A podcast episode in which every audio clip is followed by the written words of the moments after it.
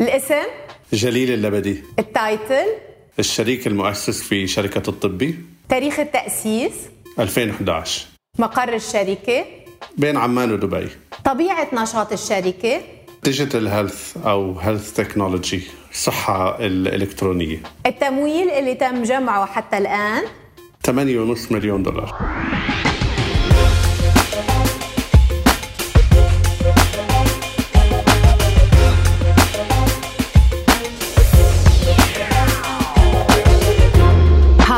أنا زينة صوفان بالموسم الثاني من بودكاست أول مليون.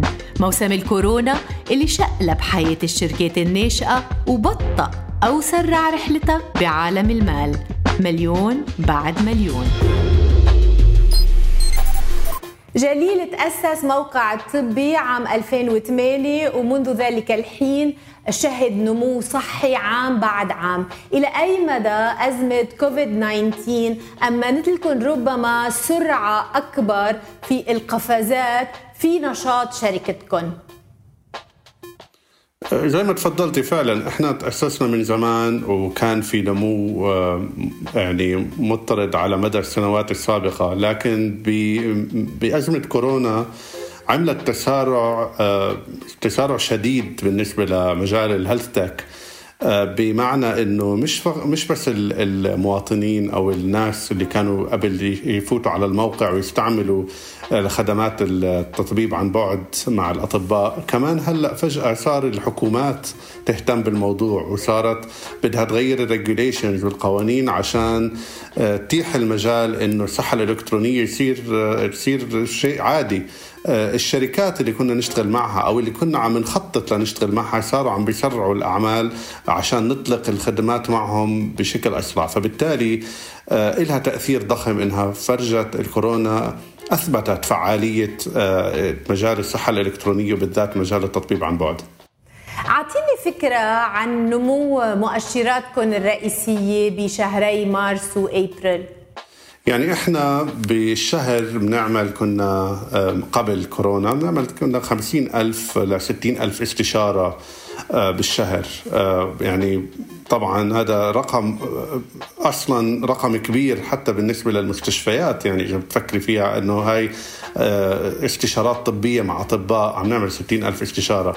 لكن من لما طلعت الكورونا إحنا وصلنا 200 ألف و200 ألف و50 250 ألف استشارة بالشهر. يعني أكثر من خمس مرات ال- ال- خمس أضعاف المعدل العادي. وهذا مؤشر شديد الأهمية على أنه الناس وغيرهم بلشوا يهتموا بهذا المجال. جليل أعطيني فكرة عن شراكتكم مؤخرا مع Telecom Egypt. كيف ولدت في خضم هاي الأزمة؟ إحنا الشراكة مع Telecom Egypt هي آه، مستمرة. هي إحنا عملنا أول شراكة معهم من ما يزيد عن عام آه، وأطلقنا من خلالها ال- المليون استشاره مجانية. آه، للمواطنين المصريين. وهذا طبعا مع ال endorsement أو من رعاية وزارة الصحة عشان بدها كانت تجرب وت- وتثبت فعالية التطبيب عن بعد. وفعلا هلأ مع الكورونا هذا الموضوع زاد أهميته بكثير ومع Telecom Egypt هذا الموضوع طورناه وزدنا عليه وعملنا حملة ضخمة آه، لتوعية المواطنين ونقدر نوصلهم مع الأطباء بشكل مباشر. تطورت وتوسعت مصادر دخلكم عبر السنوات وهل فتحت هاي الأزمة أعينكم على ربما قنوات ومصادر دخل جديدة؟ آه، بالطبع طب- بالطبع. إحنا على مدى السنوات تطورنا كثير إحنا ببدايه آه، إنشاء أعمالنا كنا نعتمد بشكل مطلق على الدعايات آه، الإلكترونية. ومع الوقت أدخلنا آه، موضوع التطبيب عن بعد اللي هو direct to consumer فبالتالي المريض بيدفع مباشرة عشان يشترك ويقدر آه، يحصل استشارة مباشرة مع الطبيب. آه، هلأ مع الوقت آه، دخلنا طبعا دخلنا أو أدخلنا مجال العمل مع شركات التأمين والشركات الكبرى لتأمين التطبيب عن بعد لموظفينهم أو للمنتفعين بخدماتهم. لكن الآن مع الكورونا الموضوع زاد جدا وواحد من أهم الجوانب اللي هلأ عم نلتفت لها أكثر اللي هي مجال إدارة العيادات عن بعد اللي هو التفتت له شركات الأدوية وبلشت تهتم فيه إحنا أطلقنا هذا المشروع أو الخدمة بشكل آه، ثانوي وكنا عم نجربه. بعدين فجأة مع الكورونا صار موضوع جدا مهم مع شركات الأدوية وبلشنا لنفوت فيه بشكل أكثر ذكر جليل بأنه صار في اهتمام على مستوى السلطات الصحية الرسمية آه، العربية بموضوع آه، تكنولوجيا الصحة. وأنتم دائما طرحكم كان يتحدث ويولي أهمية لموضوع التواصل التكنولوجي بين المرضى والأطباء. هل فتحت هاي الأزمة فعليا قنوات تواصل جديدة لكم مع السلطات الصحية؟ وهل هيدا يمكن أن يفضي إلى نوع من الشراكات الاستراتيجية مستقبلاً؟ هذا ما نأمله طبعا. يعني آه، إحنا هلأ طبعا بأول من وقت ما بلشت أزمة الكورونا تزايد التواصل مع السلطات وتزايد تواصلهم معنا أو بلش تقبلهم لنا يزيد. وهذا إشي آه، إحنا جدا مبسوطين عليه بالتأكيد.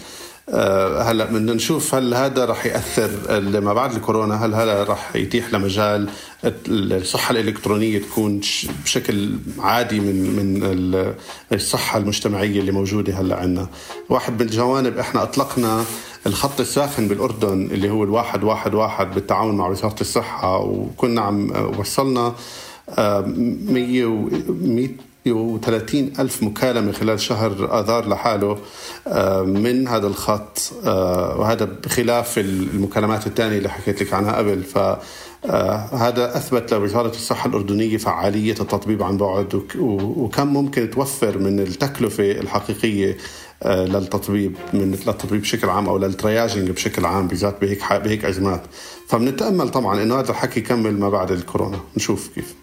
جليل حين حلت أزمة كورونا كنتم في خضم الاستعداد لخوض جولة تمويل جديدة series C وكنتوا خبرتني كنت أنه آه، ستستخدموا الأموال اللي بتجمعوها للتوسع خارج المنطقة أول شيء ماذا حصل بعملية التحضير لهي السلسلة؟ طبعا إحنا بعدنا على بمجال التحضير لهذا الموضوع لكن للأسف مع الكورونا ومع كل التطورات اللي عم بتصير صار في عنا نوعا ما آه، تباطؤ إنه أجلنا جزء من التحضير للفندنج وركزنا أكثر على خدمة كل المشاريع وخدمة كل المكالمات وخدمة كل المرضى والأطباء اللي عم نشتغل معهم بالوقت الحالي قديش المبلغ اللي كنتوا ناويين تجمعوه؟ يعني كان الأصل ناويين نجمع 30 مليون دولار آه، هلأ عم نعيد دراسة كل أوراقنا بعد كل هاي التطورات لأنه يبدو في أشياء رح تضل مستمرة ما بعد الكورونا فبالتالي عم نعيد دراسة كل أوراقنا عشان نحدث ويمكن هذا يؤدي إنه نطلب مبلغ أكثر آه، هلأ بنشوف كيف آه، رح تأثر علينا هل هاي الأزمة بتفتح أمامكم أبواب مستثمرين جدد ربما ما كانوا ببالكم لما كنتوا عم بتعدوا قبل حدوث الأزمة؟ آه نعم نفس الوقت آه سكرت أبواب مستثمرين أخرى آه آخرين كنا نحكي معهم الأول. يعني هي اجين تأثيراتها غير متوقعة على الإطلاق كل ازمه الكورونا. ففي مستثمرين صاروا يلتفتوا لأهمية الصحة الإلكترونية والتطبيب عن بعد وفي مستثمرين آخرين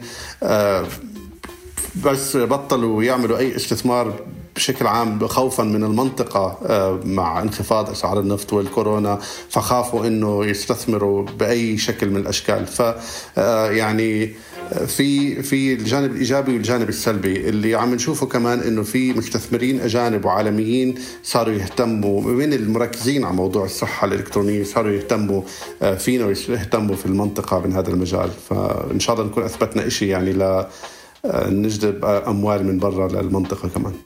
تمت مقاربتكم من اي من هاي الجهات اللي عم تتحدث عنها خارجيا؟ نعم نعم. عم نحكي مع مع آه، شوية مستثمرين بالذات من الولايات المتحدة. جليل يعني خضت كذا جولة تمويلية. لرواد الأعمال الجداد اللي يعني does it get any easier ولا بصير الموضوع أصعب؟ خبرني شوي. It's never easier. إذا بدك هذا الجواب. هي آه، أنا بشبهها كثير بال video games الواحد بيخلص أول مرحلة بيحتفل وبنبسط بعدين بفوت على مرحلة ثانية أصعب وبيطلع من الواحد يضل من هيك من مرحلة لمرحلة. فبتشبه كثير ال video games بالفعل. وين صارت خططكم لأخذ عملية الاستشارة آه، إلى ما بعد؟ موضوع الاستشارة الأولية. يعني حدثتني قبل قليل عن أهمية موضوع الطبابة عن بعد telemedicine يعني إمتى تنتقلوا للمرحلة التالية؟ هلا إحنا بنعرف حالنا ك end to end health tech company أو platform يعني إحنا من مرحلة الاكتشاف أو المحتوى آه بعدين التطبيب الأولي.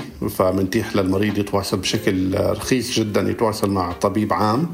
وبعدين في إحنا تقريبا 35% من الاستشارات مع الطبيب العام تتطلب الاستشارة شو بيسموها ال physical examination من الطبيب المختص. فإحنا بنعمل كمان referral أو تحويل للطبيب المختص الملائم للحالة آه وبعدين وبنوفر على التطبيق أسامي الأطباء اللي بننصح بزيارتهم. وخلال هاي التوصية ممكن للمريض إنه يحجز مباشرة مع الطبيب. هلأ اللي اتحناه من خلال أزمة الكورونا إنه الطبيب نفسه المختص آه، يقدر بيقدر يعمل الحجز يا إما آه، مرئي زي ما هلأ عم نحكي إحنا أو فيزيكال آه، إنه بالتالي المريض لازم يروح عنده للتشخيص المباشر.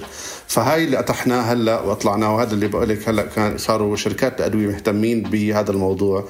بس بجانب الفحص أو الحجز والمكالمة المرئية آه، أتحنا للطبيب software كامل cloud based إنه يدخل كل معلومات المريض عليه من موبايله من اللابتوب من وين ما كان بدون حاجة ما يعمل installation بالعيادة. فبيقدر كمان الطبيب يمارس عمله من أي مكان مش بالضرورة من العيادة. فبلاد مثل الأردن فيها lockdown كامل بيقدر الطبيب بيكون ببيته عم بيمارس عمله بيفحص مرضى. آه، بقدر المستطاع طبعا لأنه مش كل شيء بيقدر يكون بشكل مرئي لكن بيقدر يستمر بعمله فهذا الحكي اللي ماشيين فيه هلأ إحنا طلعناه بمصر وبالأردن بشكل أولي وعم بيلاقي نجاح جميل يعني هل في مكان بالتكنولوجيا على الطبي مستقبلا لأنه يكون ربما للمريض محفظة طبية مصانة بتقنية البلوك تشين ربما؟ بلوك تشين يمكن بكير عليها يعني عم نشوف وبنطلع عليها لكن للواقع اللي عندنا إياه اليوم وللحاجات اللي بنحتاجها اليوم لسه يمكن بلوك تشين بكير عليها. لكن فعلا اليوم المريض بيقدر يحفظ كل ملفاته على الطبي بشكل حالي ويشاركها مع الطبيب لما يعمل الحجز. واللي عم نعمل عليه هلأ إنه الطبيب لما يدخل مع المختص لما يدخل كل معلوماته على العيادة كمان هاي نرجعها للمريض ويقدر يشاركها مع أطباء آخرين. فهذا اللي عم نشتغل عليه بالوقت الحالي وعم نشتغل على أعلى المعايير من ناحية ال security. آه، هلأ لما يصير بتطلب بلوك تشين أكيد رح نفوت فيها بس يمكن هلأ بالوضع الحالي بكير. جليل في الوقت اللي بتقوموا فيه بتعميق مستوى الخدمات آه، تبعيتكم هل أيضا تتطلعون للتوسع افقيا وجغرافيا في المنطقة أكثر؟ هذا الهدف. إحنا بدنا نتوسع جغرافيا في إحنا اليوم نغطي 12 دولة عربية منهم الدول الخليج العربي بالإضافة إلى العراق ومصر والأردن وفلسطين. وبنهدف إنه نتوسع إلى شمال أفريقيا. فهذا الجانب عم عم نحاول فيه حاولنا من قبل صراحة وفشلنا وبدنا نحاول مرة أخرى. آه وبعدين إن شاء الله برا المنطقة العربية كمان عم عم بنحاول نفوت على بلدان أخرى كمان في المنطقة. شو تغير جليل بعد ما فشلتوا في محاولتكم الأولى لتكونوا متأملين أنه تنجحوا هلأ في اختراق هاي المنطقة شمال أفريقيا؟ إنه تعلمنا من فشلنا فأكيد هي أول أول نقطة. شفنا إيش الأشياء اللي ما بتنفع أو ما بتشتغل. لا بدنا نحاول مرة ثانية وما نعيد نفس الأغلاط. آه، أكيد آه، كنا مفكرين الموضوع سهل جدا إنه في عندنا traffic على موقع الطبي كبير من شمال أفريقيا فكنا مفكرين هذا هذا كافي إنه آه، نحقق اختراق هناك والناس تدفع. بعدين اكتشفنا إنه في مواضيع أكبر من مجرد ال traffic في آه، ضعف بمواضيع الدفع الإلكتروني بشمال أفريقيا. فهذا بيأثر على كيف إحنا بنقدر نوفر الخدمة فهاي هاي بدنا نشتغل عليها أكثر شيء يعني موضوع الدفع الإلكتروني وإذا حليناها بنقدر نحل الأشياء الأخرى. جليل أخيرا بتشوف إنه ممكن تصيروا بمرحلة قريبة هدف للاستحواذ وهل بيغريكم هذا الطرح؟ آه، إنه يغرينا لا. آه، إحنا طموحنا كبير. عم نحاول نعمل إشي كتير كبير للمنطقة. آه، وهذا الحكي بيملأنا دائما بالاعتزاز وبنحاول نضلنا نصمد بالصعاب عشان ننجز ونكبر ونعمل إشي عن جد نكون فخورين فيه بالمنطقة. هذا الحلم. هلأ بعدين في مواضيع تانية بتكون أكبر منا إذا إجا عرض ما يعني في بالآخر إحنا عندنا مستثمرين وعندنا عندنا جوانب أخرى لازم نشوفها فأكيد بكون شيء في له كلام آخر. بس بالوقت الحالي إحنا بالعكس بنحاول نكبر ونعمل يعني بالآخر كل واحد بيبدأ شركة. أه، بتوقع اتليست من اللي أنا بعرفهم أه، بيحلموا يعملوا شيء ضخم أه، وما بيحلموا يبيعوا. البيع بيجي بمرحلة ثانية جليل اللبدي شكرا جزيلا لك. شكرا لك.